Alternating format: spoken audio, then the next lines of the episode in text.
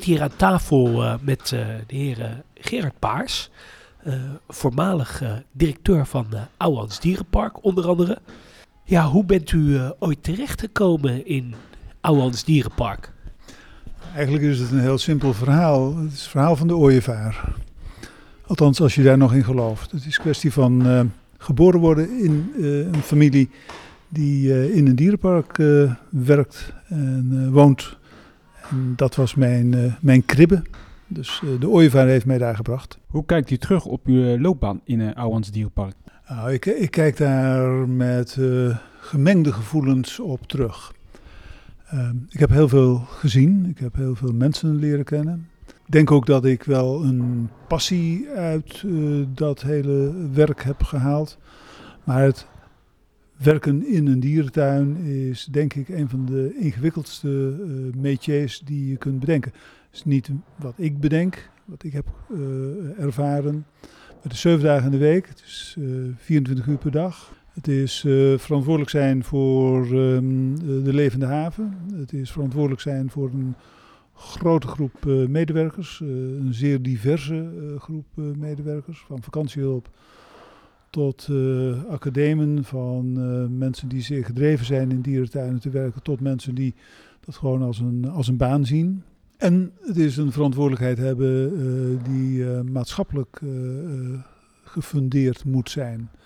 En dat heeft mij nog wel eens wat parten gespeeld. U bent in 1983 begonnen in Ouwehans, klopt dat? Nee, nee, nee, nee. Ik ben veel eerder begonnen. Ik ben begonnen toen ik zes jaar was.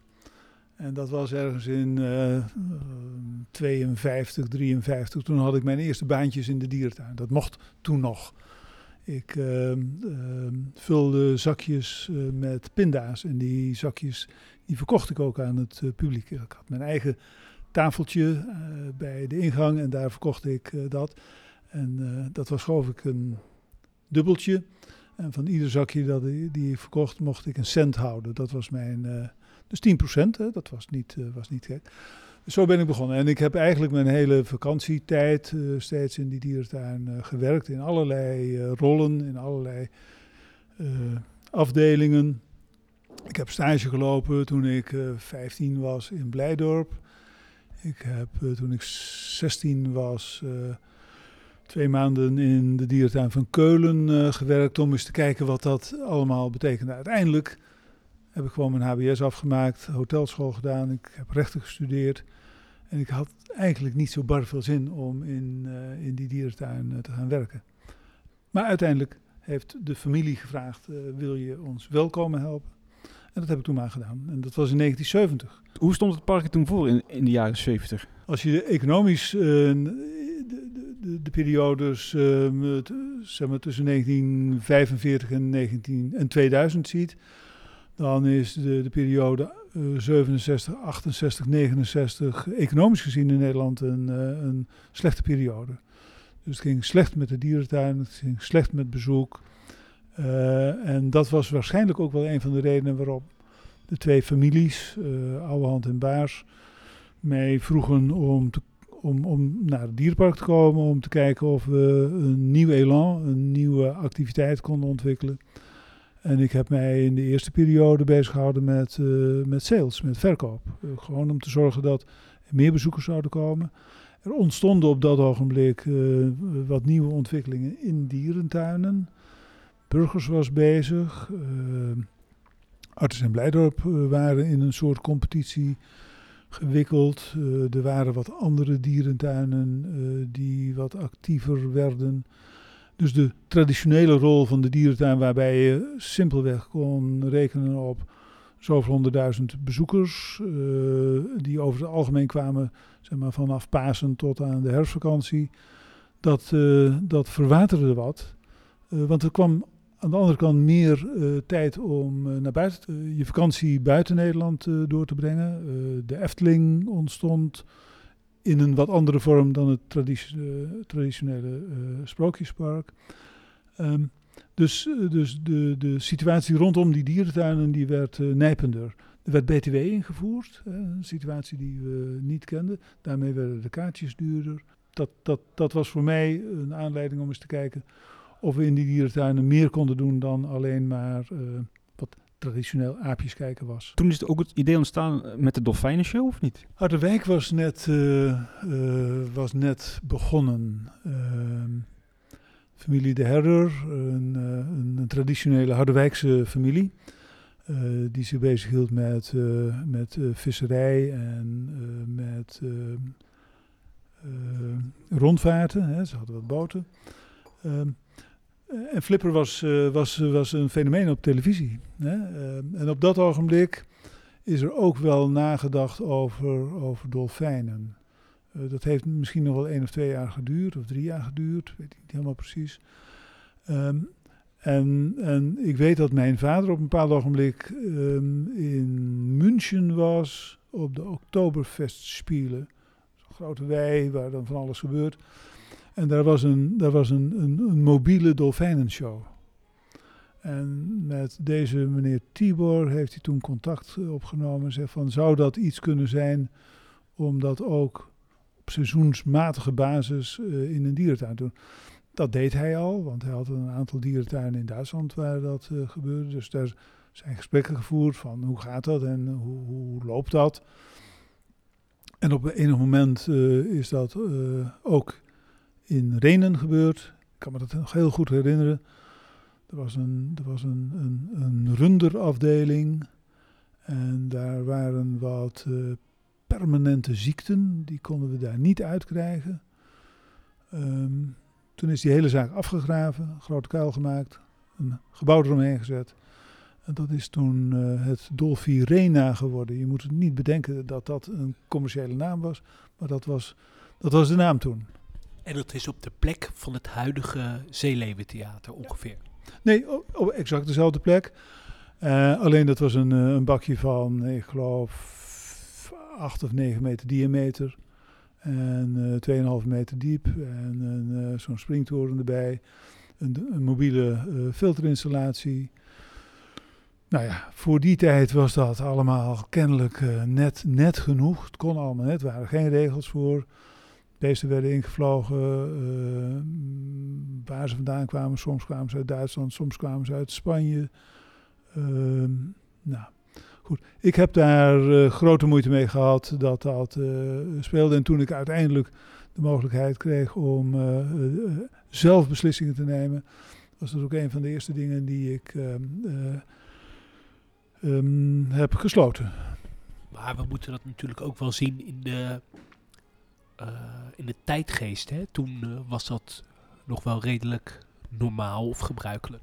Ja hoor, nee, zeg maar, ik, ik veroordeel niet. Ik, ik oordeel hooguit en ik kijk naar mijn eigen rol. En mijn eigen rol was, eh, aan de ene kant eh, moet je bezoekers trekken. En dat, dat lukte ook, hè, want die, die combinatie van dierentuin en dolfijnen, dat was toch een, eh, eh, voor, voor de markt een interessante aanbieding, ook qua prijs.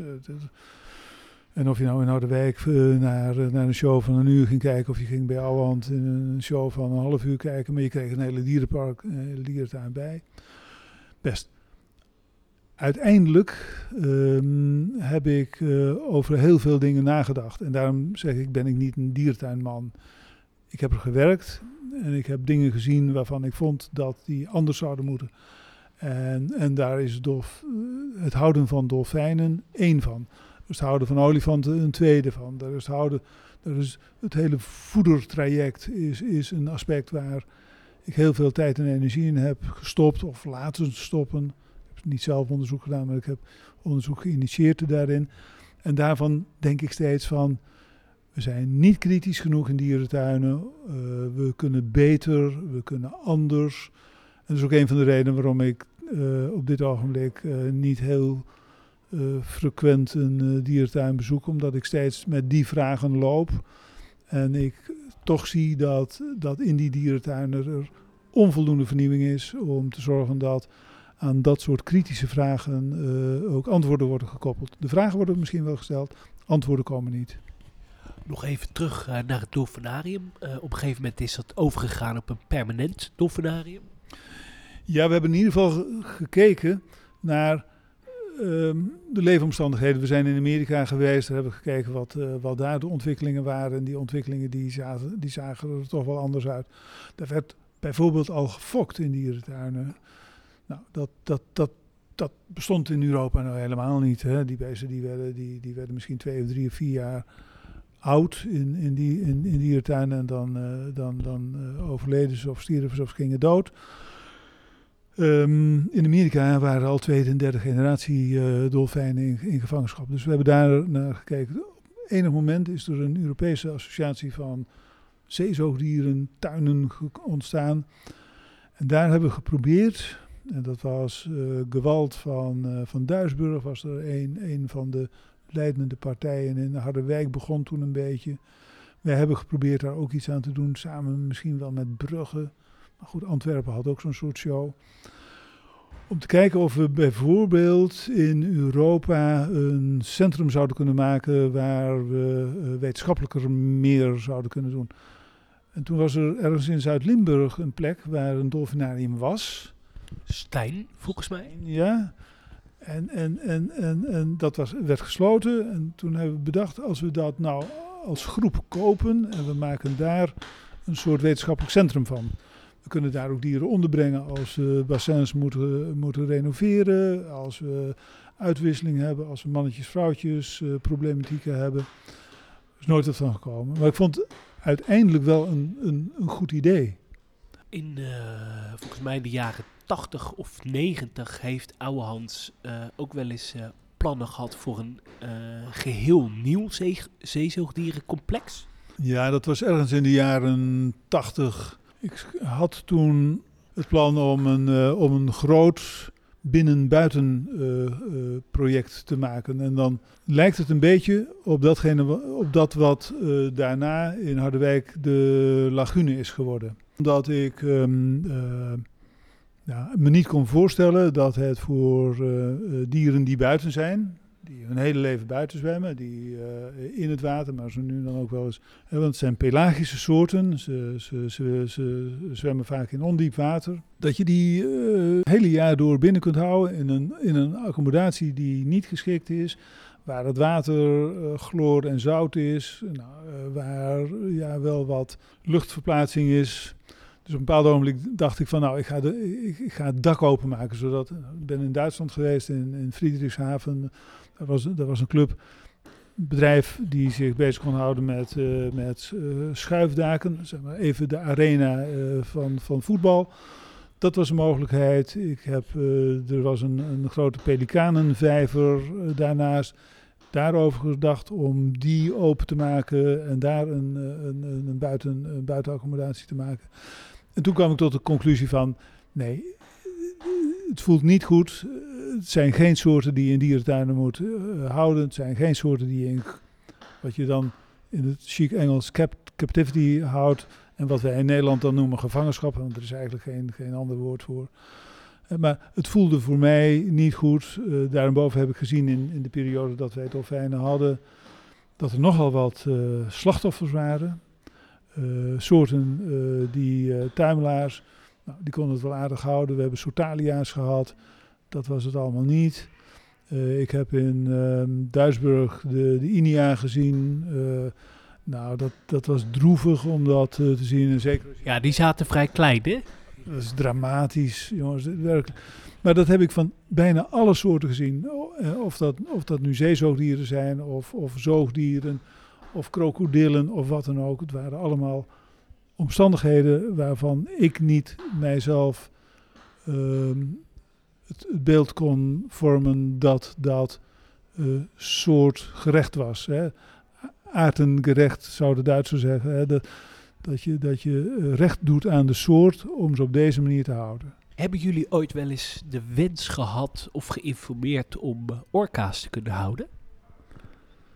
Nou, ik ben wel eens in, Amerika geweest en ik heb in SeaWorld orka's eh, gezien.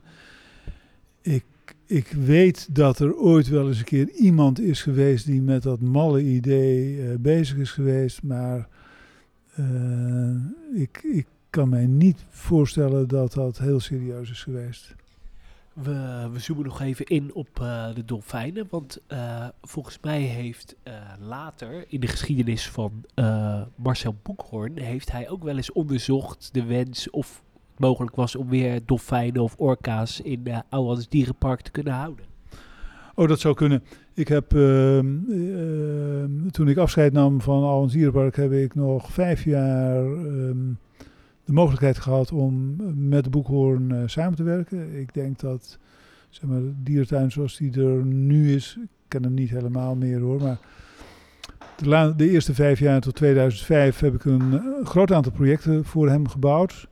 Ik denk dat ze ook emblematisch zijn eh, voor, voor eh Alwens Dierenpark op dit ogenblik. Ehm, maar wel steeds met het beeld dat het projecten zijn die eh, een, een, een vernieuwing zijn in de diertuinwereld. Een verandering eh, teweeg zouden kunnen brengen bij andere eh, dierentuindirecties. En daar horen wat mij betreft orka's niet in. Ik weet wel dat hij daarover gesproken heeft. Ik heb hem daar ook wel een voorstel voor gedaan. En dat is door in de Greppenberg, als ik zo kijk, dan zie ik het ongeveer, een oude steenfabriek te kopen. ehm, aan de Rijn. Een gebied van, ik denk ongeveer 40 hectare. En daar een groot nieuw zeezoogdierencentrum te bouwen. Daar is wel sprake van geweest. Maar er is nooit verder geweest dan. En dat was, dat, daar waren een aantal dingen die daarbij bij speelden. Dat was één, eh, parkeervoorzieningen. B, eh, de relatief kleine oppervlakte van 20 hectare van een dierentuin. Die eigenlijk te klein is om daar, eh, zeg maar, groots uit eh, te pakken. En Boekhoorn had een, een, een, soort fetish van wit-zwarte dieren of witte dieren. En daar speelden de orka's ongetwijfeld een rol in. En hoe zou dat eh zeezoogdierencomplex eruit hebben moeten gaan zien? Oh, dat weet ik niet. Ik, ik weet dat er schetsen zijn gemaakt. In die tijd had ik een eh, goede verbinding met Hedda Buis. En mijn ideeën kon ik heel makkelijk aan hem geven als, als industrieel ontwerper. En hij tekende dan datgene wat ik bedacht. We hebben daar eh, binnenpools, buitenpools gemaakt. Want orka's horen uiteindelijk in, in koud water te zwemmen. Uh, ik had het idee van Vancouver, Vancouver Island-achtige concepten uh, bedacht. Daar ben ik geweest en heb ik gezien. Um, en, en ik heb ook tegen Boekhoorn gezegd, als jij ooit een keer je, je, je, je eigen kantoren vanuit Arnhem, uh, je holding naar, naar Renen zou willen halen, dan zou het een interessante gedachte zijn om die dingen te koppelen. Hè, daar je eigen holdingkantoor te hebben, je mensen daar. Goed, nooit wat van gekomen, want uh, uiteindelijk is het een uitbreidingsgebied van Renen geworden. Er staan nu huizen. En je zou dan met een uh, kabelbaan erheen gaan, hè? Ja, er, was een, er, waren twee mogelijkheden. Je kon met een kabelbaan er naartoe en je kon met een, uh, een tapis roulant, een, dus een kabelbaan heen en met een, een rolbaan zoals je met skiën wel eens hebt als je van de ene piste naar de andere moet. Dan ging je gewoon opstaan en ging je zo naar boven toe naar de andere kant. En uh, waren er al bijvoorbeeld contacten met SeaWorld of het mogelijk was om orka's te kunnen krijgen? Nou, het was niet SeaWorld. Uh, SeaWorld is natuurlijk een van de, een van de partijen waarmee je uh, kon praten. Maar je kon ze eigenlijk heel goedkoop, wat heet heel goedkoop, maar heel goedkoop kopen in IJsland.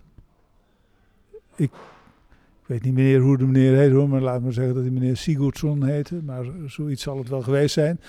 Maar uh, daar kon je uh, uh, gewoon inschrijven. En die had een permissie van 10 orka's per jaar. Dus als hij niet uitverkocht was, kon je, daar, kon je daar zaken doen. Eind jaren 80 kwam natuurlijk Burgersoen met de Bush. Hoe, hoe, was dat voor u als directeur? Gingen toen alarmbellen af van wij moeten hierop inspringen? Ik moet even, even terug in de tijd. Um, alarmbellen gaan er natuurlijk altijd af als ondernemer. Hè? Je, je, kijkt naar de markt, je kijkt naar uh, de ontwikkelingen. En toen Burgers begon uh, met zijn safari, toen ook uh, Van Dijk in Tilburg begon met Beekse Bergen. Uh, toen waren er allerlei ideeën van dat zou wel eens de toekomst kunnen zijn. Het, was, het was in Engeland, denk ik, een, uh, een, uh, een, een, een, een, nieuwe ontwikkeling in, in dierentuinen. Um, Chipperfield deed dat in, in Engeland. Whipsnade was ook zo'n soort buitenpark. Hè? Dat was ook weer een andere vorm van het houden van dieren. En ook in die tijd hebben wij wel eens even gekeken naar de mogelijkheden om op, dat, op de Grebbeberg te doen. Uh, dat is natuurlijk een fantastisch mooi bosgebied. Ehm, maar we hebben dat niet, uh, niet voor elkaar gekregen. Um, en dan zie je de ontwikkelingen van, van een safaripark wel in de buurt. Ehm, ik denk dat dat ook een van de redenen was om iets met dolfijnen te gaan doen. En, en Burgers Bush was voor mij niet zozeer een, een, een angstsituatie.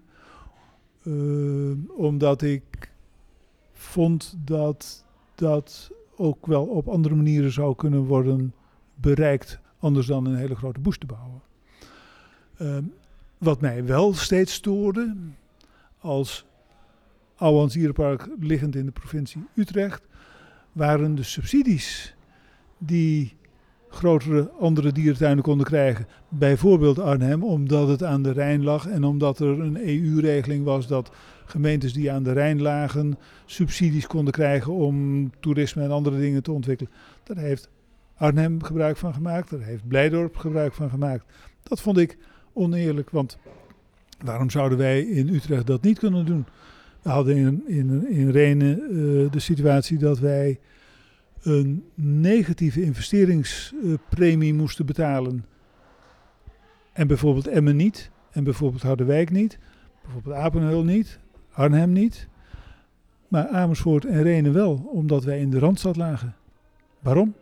We waren toch een dierentuin. We zouden toch op dezelfde manier uh, behandeld moeten worden. Maar kennelijk was dat uh, op economische zaken, uh, hadden ze daar een ander beeld voor. Dus dat soort dingen uh, hebben mij meer uh, gestoord dan zeg maar, het, het zakelijke commerciële uh, competitietraject. Het gezonde concurrentietraject. Ja hoor, nee. Als, ik, als, als iemand slimmer is dan ik, dan verdient hij te winnen. Als iemand harder kan slaan dan ik, dan heb ik een blauw oog. Dat is allemaal, dat is fair. Maar als er andere vormen zijn waardoor de competitie niet eerlijk is, dan denk ik, eh, ik praat niet over doping, maar laten we dat maar even gebruiken in, in, binnen de sport. Ja, dan is er een niet eerlijke competitie en dan, dan vind ik verliezen wel heel, heel pijnlijk. Jullie hebben ook in de jaren negentig hele concrete plannen gehad voor een Amazonehal. Mark heeft hier een uh, plattegrond. Daar ligt hij eigenlijk al uh, op ingetekend, hè? Ja, er waren, er waren allerlei uh, ideeën. Hè. Als, als, ik naar, als ik naar het, uh, uh, dit, dit plan kijk, dan was dat het oude zwembadgebied. en of het nou de Amazone was, ik kijk even naar 36 hoor, uitbreiding Amazone al, ja. Hier waren allerlei beelden die ik ontwikkelde. Hè. We hadden een groot zwembad, daar is het, het Noordzeewad van, van gemaakt. Aansluitend heb ik mij bedacht, als ik een berenbos aan de ene kant heb, ik heb uh, een selectie gemaakt ten aanzien van tijgers. Ik heb een andere keuze gemaakt over leeuwen. Hè? De, de, de Aziatische leeuw in plaats van de, van de Afrikaanse leeuw. Ik heb een uh, keuze gemaakt uh, in, in relatie tot mensapen. Ik heb een aantal berensoorten eruit gehaald. Zou ik dan naar Amazonië moeten? Ik heb toen iets heel anders bedacht. Ongeveer op, op, op deze plek uh, werd er een hele grote volière bedacht. Eentje van meter of 6, 27 hoog, 50 meter lang en een meter of 40 breed. En wat wilde ik daar? Ik wilde daar een stuk Europese uh, flora en fauna laten zien. Dus Amazonehal was al uit. Wat wilde ik daar? Ik had het wat met, uh, met zeg maar alle, alle zeehonden die in Nederland waren. Hè. De, de, de, zelfs de zeehonden uit uit de grachten van Amsterdam, die waren naar Renen gekomen. Uh, ik had alle ooievaars uh, van het Lies, uh, Liesbos, Liesveld opgehaald. Um, en toen, toen was ik een keer in, in Potsdam. En daar kwam ik tegen meneer Ratacek, dacht ik dat hij heette. En die had wel 20 of 25 ehm, zeearenden. Toen dacht ik, hé, hey, die zeearenden die eh, hadden allemaal wel een mankement, of een vleugel kapot, of een poot kapot. Maar er werd wel gefokt. Nou, als ik die dieren nou hier neerzet, in een grote volière, zodat ze net wel kunnen vliegen, dat vond ik wel essentieel. Niet dat ze alleen maar op een stokje zaten. Dan kan ik straks meedoen in een heel ander proces waar ik vind dat dierentuinen een rol in kunnen spelen. Dus terugbrengen van de zeearend in Nederland. Dat is ook een van de redenen waarom wij nu hier in de Blauwe Kamer zitten. Ik sprak toen met Utrecht Landschap en zei van hoe interessant is het om straks deze jonge zeearenden in de Blauwe Kamer uit te zetten zodat ze van hier uit kunnen vliegen, weer terug naar het noorden toe. En dan uh, als zij uh, uiteindelijk uh, nestmogelijkheden zoeken zelf, om dan weer naar de Blauwe Kamer of welke omgeving, dat kan de Gelderse Poort zijn, Millingerwaard bij, bij Nijmegen, maakt allemaal niet uit. Maar dan draag ik op die manier bij aan, aan een ontwikkeling van een nieuw soort. Dat is, het plan is gesneuveld. de fundamenten van die hele volière zijn wel gestort. En het is gesneuveld omdat ik uh, geen toestemming kreeg van het ministerie van Landbouw. Nog even terug naar die uh, Amazonehal. Hoe had die hal eruit uh, moeten komen te zien? Er waren, er waren denk ik twee, twee varianten. De meest interessante variant die ik zelf heb uitontwikkeld was een, een beeld dat ik ooit heb opgedaan in Baltimore, Baltimore Aquarium. Aan de haven daar kan je met een lift uh, vijf hoog en dan loop je door de Andes, Amazonewoud, uiteindelijk tot in, uh, uh, tot in de Atlantische Oceaan. Dat was ongeveer het beeld. Het beeld was een grote hal, hoog, mensen naar boven brengen, daar een bepaalde vorm van, van biotoop creëren qua, qua beplanting en, en, en qua diersoorten. En dan vanzelf lopen naar beneden de Amazone af. Totdat je uiteindelijk in de, in de Atlantische Oceaan uit kon komen. Dat was ongeveer het idee. En dat idee heb ik op een heel andere manier aan Boekhoorn ooit aangeboden. Om dat in de vrije vluchtvolière te doen met het aquarium aan de onderkant. En daar een verbinding te maken uh, vanuit uh, de Filipijnen uh, naar het vasteland van, van Azië. En, en, een groot parkeertrein wat daar lag voor het congrescentrum in te vullen met een bamboe city-achtig beeld. Met toen al ideeën van, van panda's. En de andere variant van de Amazonehal, er is ook sprake geweest van om er met bootjes doorheen te gaan. Ja, natuurlijk. Als je in Amerika bent geweest, dan is natuurlijk niets uh, wat, uh, wat onmogelijk lijkt. Bootjes waren er al. Uh, nee, we hadden een, de, de monorail, de monkey rail. Hè, dus we, hebben al steeds gedacht, hoe kunnen wij mensen op een andere manier verplaatsen door, door die dierentuin. En dat had twee beelden. Ehm, mensen attracties aanbieden, die ook functioneel zijn. Hè. het safaripark is daar, eigenlijk de eerste mogelijkheid. De, de, de monkey rail was een andere om te zorgen dat we uh, door park heen konden. Als je veel mensen hebt en je moet ze op een andere manier verplaatsen, dan zijn dit soort uh, zaken een mogelijkheid. En als je nu in Hannover kijkt, dan zie je dat wat je met bootjes kunt doen. En, en nou, ik heb heel goede contacten gehad met uh, dokter Enke in, in Hannover. We hebben over dat idee gesproken. Hij heeft het kunnen bouwen, omdat zij daar toen de, um, een van de grote Europese manifestatie hadden. En ik geloof 200 miljoen D-mark hadden om een halve nieuwe diertuin te bouwen. Of een hele nieuwe diertuin te bouwen. En hij heeft dat toen uh, daar uitgevoerd. En dan gaat het heel goed. En kijk maar naar, als je in Disney World komt, naar It's a Small World. Als je naar de Efteling gaat, uh, hoe je heel goed in een bootje toch een deel van de beleving kunt tonen van wat betekent het nu om in een tropisch regenwoud te peddelen. Hadden jullie daar ook echt uh, concrete tekeningen, uitwerkingen van? Ja, ik, ik, was, ik was met deze al eerder genoemde Hedderbuis uh, heel ver in het, in het tekenen van, uh, van, van ontwikkelingen. Maar zijn nooit verder gekomen. Hè. Het staat hier 91. Het is nooit verder gekomen dan, uh, dan dit soort tekeningen. Hoe groot had deze tropenhal moeten worden?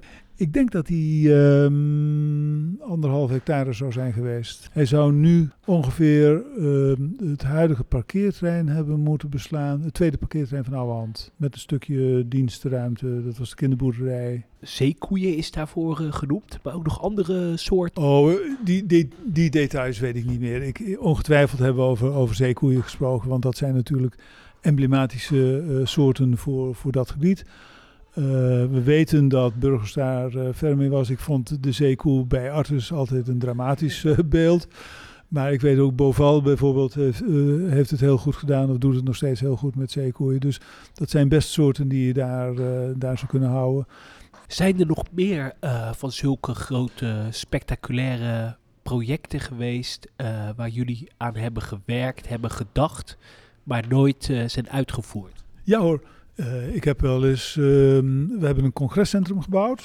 En dat congrescentrum dat heeft een aantal jaren uitstekend gefunctioneerd. Want het was uniek om in een dierentuin allerlei dingen te doen. En ik kan me wel eens voor herinneren dat wij in de maand september eh, vijf of zes nieuwe auto-introducties hadden in de dierentuin. Dat mensen overal te slapen moesten worden gelegd, maar we hadden geen, eh, geen, geen accommodaties. Dus in de Rijn lagen wel eens vijf of zes eh, eh, hotelschepen die geen, geen, geen werk meer hadden en dus voor logies konden zorgen. Ik ben wel eens bezig geweest met het bouwen van tekenen van, van een hotel. Om te zorgen dat, dat we die combinatie konden maken. Ik heb wel eens met Dirk Lips gesproken over, over combinaties daarbij. Toen, toen Lips eh, van, van Drunen eh, naar, eh, naar Rosmalen ging, toen heeft hij ook wel eens gekeken van hoe doet Ouwehand dat? Eh, nee, hoe, niet Ouwehand, hoe, hoe, hoe, hoe doe ik dat? Ehm, om te zien, als je dat soort accommodaties aanbiedt, dat je dan aan de andere kant ook moet zorgen dat gasten één of twee of drie dagen kunnen blijven in plaats van naar uit en thuis te, te, te reizen. Dus dat soort, dat soort dingen heb ik, eh, heb ik zeker, zeker wel bedacht. Eh, maar goed, eh, denken is gratis, zeg ik altijd maar. En nog andere spectaculaire gratis projecten met dieren? Nou, ik weet dat ik in 596, toen wij het Berenbos hadden gebouwd, dat ik bezig ben geweest met, met panda's. En dat ik ehm, eh, eh, al betrekkelijk ver was, wat heet ver. Had samenwerking met eh, de Chinese Academie voor, eh, voor Wetenschappen. Ik heb eh, mensen hier naartoe gehaald, eh, verbindingen gelegd met, met Wageningen. Ik heb zelfs een jaar lang een PhD-studenten uit China in Wageningen en Enschede gehad. Eh, en dat was voor Boekhoorn op enig moment ook wel van... hé, hey, interessant, eh, daar kunnen wij wel op voortborduren. Ik heb hier nog een eh, oud krantartikel uit begin jaren 90 waar u nog spreekt over een museum waarin men de ontwikkeling van de mensheid kan gaan ervaren. Ik ben heel creatief. Ik ben eh, permanent bezig, nog steeds, met, met het zoeken naar, naar nieuwe uitdagingen, nieuwe opties.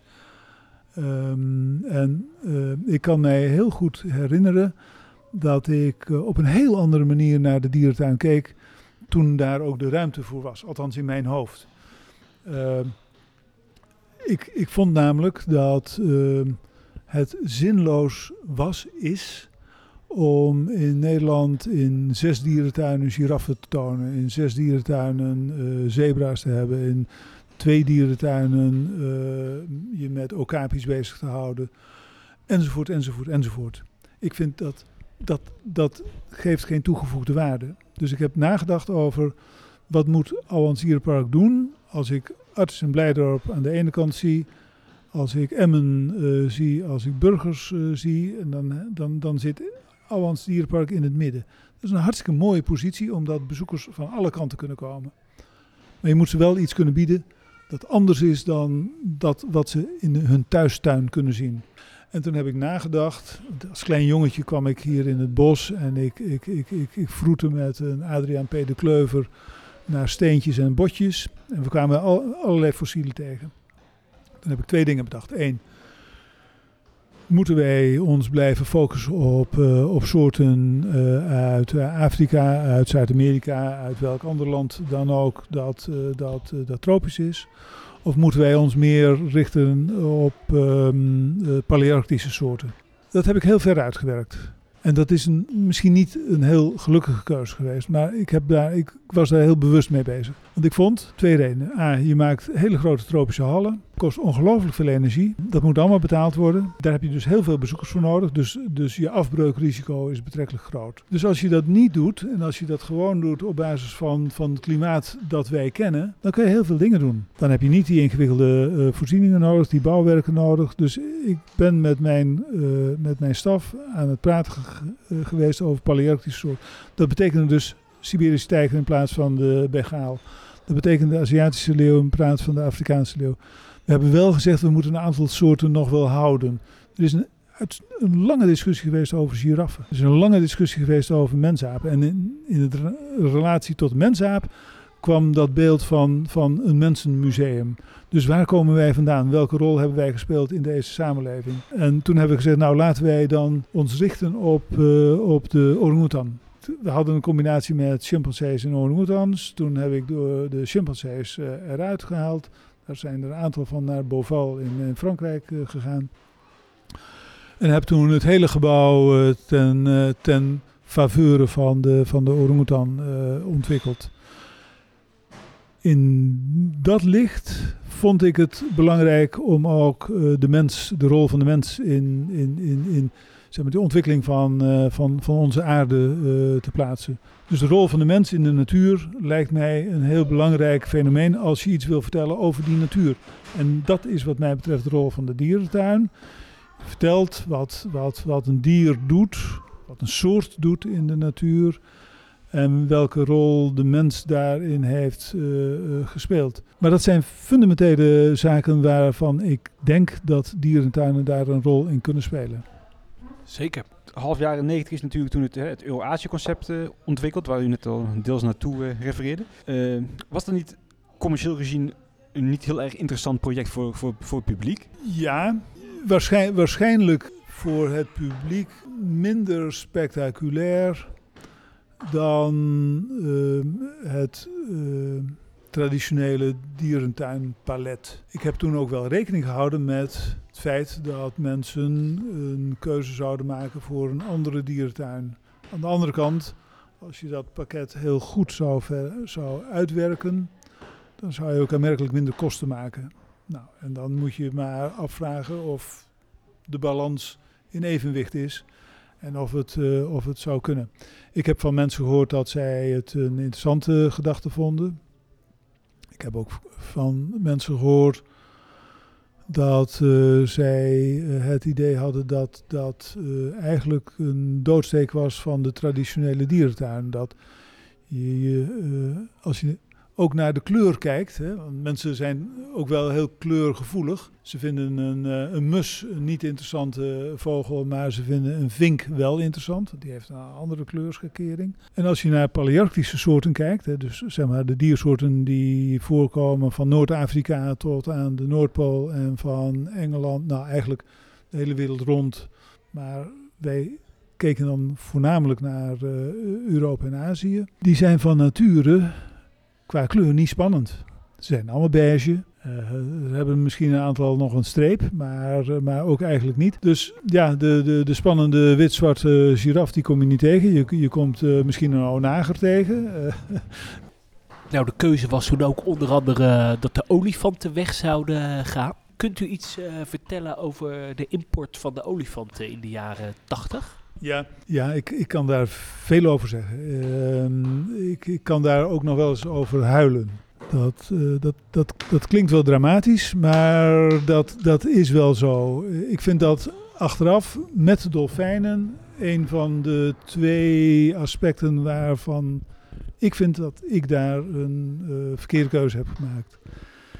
Uh, en niet ik alleen hoor, uh, want het was een combinatie. Hè? Het, het, het, is een, het is dat, en dat was wel weer goed. Ik denk dat het een aantal dierentuinen waren die een, een beeld hadden van als wij met elkaar dit gaan doen, dan hebben wij voldoende vers bloed, dan kunnen we uitwisselen, dan kunnen we dit doen, dan kunnen we dat doen. En dan houden wij een, een behoorlijk uh, um, vitale dierentuinpopulatie op gang. Daarboven, uh, die olifanten uit uh, Burma, die hadden het niet best. Da daar zat iets in aan de andere kant de manier waarop ze hier naartoe gekomen zijn, de handelaren die ertussen zaten, uh, het, het, hebben van een dood beest tijdens transport, achteraf vreselijk. En als ik zie in zijn algemeenheid. Het houden van dit soort grote dieren in dierentuinen, in gevangenschap, op een manier waarbij je ze niet dagelijks uh, uh, zeg maar tien uur actief kunt bezighouden. Dat is onmogelijk. Dat kunnen wij in dierentuinen nooit aanbieden. Dus, dus ik, ik vind dat, dat we daar collectief een foute keuze hebben gemaakt. Ik ben daar zelf uh, nadrukkelijk bij betrokken geweest. Ik ben blij dat wij uiteindelijk de, de dieren hebben kunnen wegzetten bij, op plekken waar ze het relatief goed hebben gedaan. Ze hebben allemaal, zijn belangrijk uh, geweest voor de fok. Kai Pio Pio is uh, belangrijke fokkoe geweest. Kai Nene. Maar ik heb zelfs met de oude olifanten nog behoorlijk experimenteel uh, gewerkt met, in Blijdorp. Anka en Raya. Ja, waarbij de oude, oude koeien naar, uh, naar, naar Blijdorp zijn gegaan. Waarbij we zelfs nog een, een jong hebben gehad. Het jong dat is wel dood afgekomen. Maar goed, we hebben toch aangetoond dat, dat je zelfs met koeien die zeg maar, maagd waren tot, tot in hun twintigste jaar. Dat je daar nog wel mee zou kunnen fokken. Hè? Nou, dat experimenten mogen, denk ik wel. Als we er maar van leren. Maar ik vind Nogmaals, ik zou olifanten niet meer in dierentuinen zien in de oppervlaktes die we op dit ogenblik in Nederland aan dieren kunnen aanbieden. Jullie hebben die uh, groep destijds volgens mij heel zorgvuldig uitgekozen, hè? Ja, er waren twee, twee aspecten. We hebben heel goed gekeken naar wat we zouden willen hebben uh, en op welke manier wij groepen zouden samenstellen. Dat was Hannover, dat was Emmen, dat waren wij. Amersfoort deed misschien nog een beetje mee, ik weet niet meer. Maar toen wij uh, uh, in ons groepje ons mannetje kwijt waren, toen zaten we al met het probleem. Het was een eenmalige actie, het was een eenmalige vergunning. Ja, de schaarste aan mannetjes uh, werd toen in één keer wel uh, behoorlijk duidelijk. Ik, ik, was daar niet gelukkig mee. Ik heb, ik heb toen gekeken naar, de, naar, naar wat wij zouden kunnen doen. Uh, ook in het kader van die verschuiving van, van, van filosofie binnen, binnen de dierentuin. En ik moet aan de andere kant ook wel zeggen dat olifanten houden is een, is een duur aspect binnen de dierentuin. Denk dat daar wel drie of vier FTE's op zaten uh, om dat goed te managen. En we deden dingen waarvan ik achteraf ook wel weer dacht van is dat wel verstandig? En dat is bijvoorbeeld, we hadden mahouts mee, uh, meegenomen daar vandaan die die dieren onder commando zouden moeten krijgen. Uh, dat werd, hè, Con Mul was er daar een van, die, die ging dat overnemen. En er werden dan ook wel weer presentaties. Dat werd, mocht geen show heten, maar er werden presentaties gegeven. En achteraf denk ik, jongens, dat is niet goed. Dat is niet de rol van de dierentuin. Dat moet niet zo. We hebben vroeger allerlei van dat soort dingen gedaan. En ik vind nog steeds dat ook als we naar Burma gaan, of als we naar India gaan, of als we in, in, in, in Ceylon, Sri Lanka komen, dat wij niet naar dat soort dingen toe moeten als, als, als toerist. Dat, dat is niet des diers, dat, dat, is, uh, dat is circus. En ik vind, er is een principieel ik ben tegen circussen, er is een principieel verschil tussen circus en een dierentuin. Destijds en nu nog steeds. Dus wat dat betreft was ik wel blij dat wij die olifanten niet meer in de collectie hadden. En dat we met die ruimte wat anders konden gaan doen. Even een totaal andere vraag, maar hoe zijn jullie toen de tijd bij Massa Boekhoorn beland? Het verhaal is, uh, is, is wat langer. Um, ik was um, directeur en ik uh, heb um, nagedacht over hoe ik met het bezit om zou moeten gaan. En ik heb met... Uh, Want u was naast directeur ook mede-eigenaar? Ik was eigenaar, ik was 100% eigenaar. Hoe, hoe, ga je met dat bezit om? Mijn vrouw en ik, we hebben drie kinderen. We hebben de kinderen gevraagd, uh, hebben jullie belangstelling? Nou, nee. Het was zoiets van nee en het is ingewikkeld. En, en, en, en ik, wat ik in het begin al zei, ik ben niet met hart en nieren uh, vol overtuigd dierentuinman. Dus ik had ook niet het idee dat ik dat door wilde zetten tot tot, tot mijn 70 tot, tot, tot, het, ik zou overlijden of wat dan ook. Ik had het idee van, ik, werk uh, met plezier. Ik, uh, ik vind het boeiend, maar dat zijn vaak de buitenkanten van het proces die ik boeiend vind. Het is zwaar, het is 7 dagen in de week, 365 dagen. Als je op vakantie bent, dan staat die telefoon dagelijks aan, in paniek terug. ik was denk ik een van de eerste die met een grote mobiele telefoonkast in mijn auto rondreed. Met van die grote antennes op de auto's. Als er wat aan de hand was, dan zou je terug moeten kunnen komen. Ik heb uh, toen mijn uh, raad van commissarissen uh, gevraagd, gezegd heren, ehm, ik, ik, ik ben nu 55 in die buurt. Ik was zelfs nog wat jonger, maar ik denk dat ik op mijn 60ste ermee op wil houden. En, en, en zeg maar, een diertuin is geen commodity. Hè? Het is niet iets wat je bij, bij, ik zou haast zeggen, bij HEMA koopt. Maar dat is dan een rare, een rare grap. Dus we hebben gezegd, nou laten we daar eens over nadenken. Laten we eens naar kijken. Laten we eens uh, naar de markt kijken, wat voor soort partijen. En ik, had toen voor mijzelf een heel ander idee om, om er vanaf te komen, om dat rare woord maar eens even te zeggen. Ik dacht, diertuin heeft een bepaalde waarde. Nou, die is van mij. Ik ga uh, uh, vier of vijf mensen zoeken, private investors zou dat tegenwoordig heten, die, die met mij meedoen. Die eenzelfde gelijk bedrag inbrengen. En met dat bedrag kunnen we dus het dierenpark maken in, in, de, in de vorm zoals ik denk dat dat zou moeten. En ik ben een gesprek aangegaan. Ik zal geen namen noemen, maar ik had twee partijen bereid gevonden om op een dergelijke manier mee te doen. Ik had nog een derde en een vierde nodig. Dus ik kwam met dit verhaal bij mijn raad van commissarissen. Ze zeiden, god, dat is wel leuk. Een, een van die heren die zat in zo'n soort métier. En ik wilde dat ecologisch, ik wilde dat biologisch. Dus ik zocht ook in die, in die richting. Partners, mensen die ik kende. Uh, nou goed, dat, dat gesprek dat, dat, dat duurt, dat loopt. En toen kwam een van mijn commissarissen die zei: Gerard, ik heb iemand die zeer geïnteresseerd is. En op 31 december van datzelfde jaar uh, was het beklonken. Dat is waanzinnig snel. Ja, voor mij ook veel te snel. Ik was daar helemaal niet aan toe. Ik was eigenlijk te jong. Ik was uh, 54, uh, is geen moment om op te houden. toen ben ik, dat vond ik wel plezierig. Wel dat beste tropenjaren zijn geweest hoor, maar op een andere manier. met, heb ik nog een afspraak. Nee, Boekhoorn heeft mij uitgenodigd om nog vijf jaar voor hem te werken. En toen heb ik alle dingen mogen maken die ik daarvoor wel gedroomd had. Maar niet de ruimte, niet de middelen voor had. En hij zegt, nou, je, je doet maar.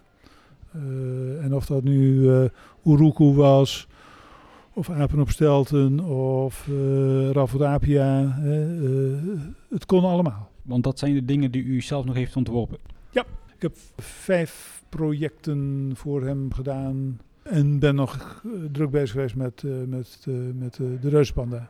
Is het, uh, heeft u nog steeds contact met uh, Marcel Boekhoorn? Nee. Nee, wij zijn uh, op enig moment uit elkaar gegaan. We hebben elkaar de hand ge geschud en ge gezegd: het gaat u goed. Dat heeft hij mij ook gewenst. Ik ben toen naar um, Frankrijk gegaan, heb 15 jaar gewoond. En onder, onderwijl heb ik, uh, want daar hebben we niet over gesproken, onderwijl heb ik mij heel druk bezig gehouden met uh, beren, berenbos. en het berenbos als ja, een soort springplank, dat is misschien wel heel raar gezegd, maar springplank tussen mens en, natuur. Ik ontwikkelde dat, dat berenbos niet omdat ik dat als concept had bedacht. Maar ik kon twee hectare van Utrechts landschap kopen. En in eh, de afspraak die ik met Utrecht Landschap en met de provincie en met de gemeente Renen maakte, werd ook bepaald dat bijvoorbeeld het zwembad dicht moest en dat het caravanpark uh, dicht moest. Toen hebben we daar een nieuw plan op gemaakt. Dat plan dat is uh, behoud zeg maar, de infrastructuur, daar werd het Noordzeewad gemaakt, daar werd zeg maar, de inkijk in de Rijngezin, hè, het onderwatertraject. Hè, dat was eigenlijk het idee om dat hier in de Blauwe Kamer te doen samen met het landschap. Om een soort aquarium in de Rijn te maken, zodat uh, mensen die hier in de Blauwe Kamer kwamen kijken, ook hier de paling kunnen zien en de voren kunnen zien en, en, en dat soort dingen. Nou, dat hebben we wel in de diertuin gedaan. En toen heb ik mijn architect, Koert Meijwald, gevraagd: maak jij eens een schets voor het, die twee hectare. En toen kwam hij met mijn palearctische soorten. Er moest iets van de wiesent komen, er moest iets met een mus, uh, er moest iets met een eland komen, er moest nog zo'n beest komen. En hij had, en had de, de, die twee hectare gelijk weer opgedeeld in allerlei dierentuin dingetjes. En toen heb ik uh, gezegd van, nou nee, dat doen we niet. ik wil één soort. En toen heeft hij zo'n stukje gemaakt. Daar heeft hij het berenbos opgetekend. En aan de rand, want we mochten in het berenbos niet, iets bouwen. Aan de rand hebben wij het uh, quarantainecentrum gebouwd. En toen ben ik in Engeland ben ik iemand tegengekomen die iets met schrikdaad deed in Whipsnade. En die had een uh, voorziening gemaakt waarbij die uh, in een paal kon houden.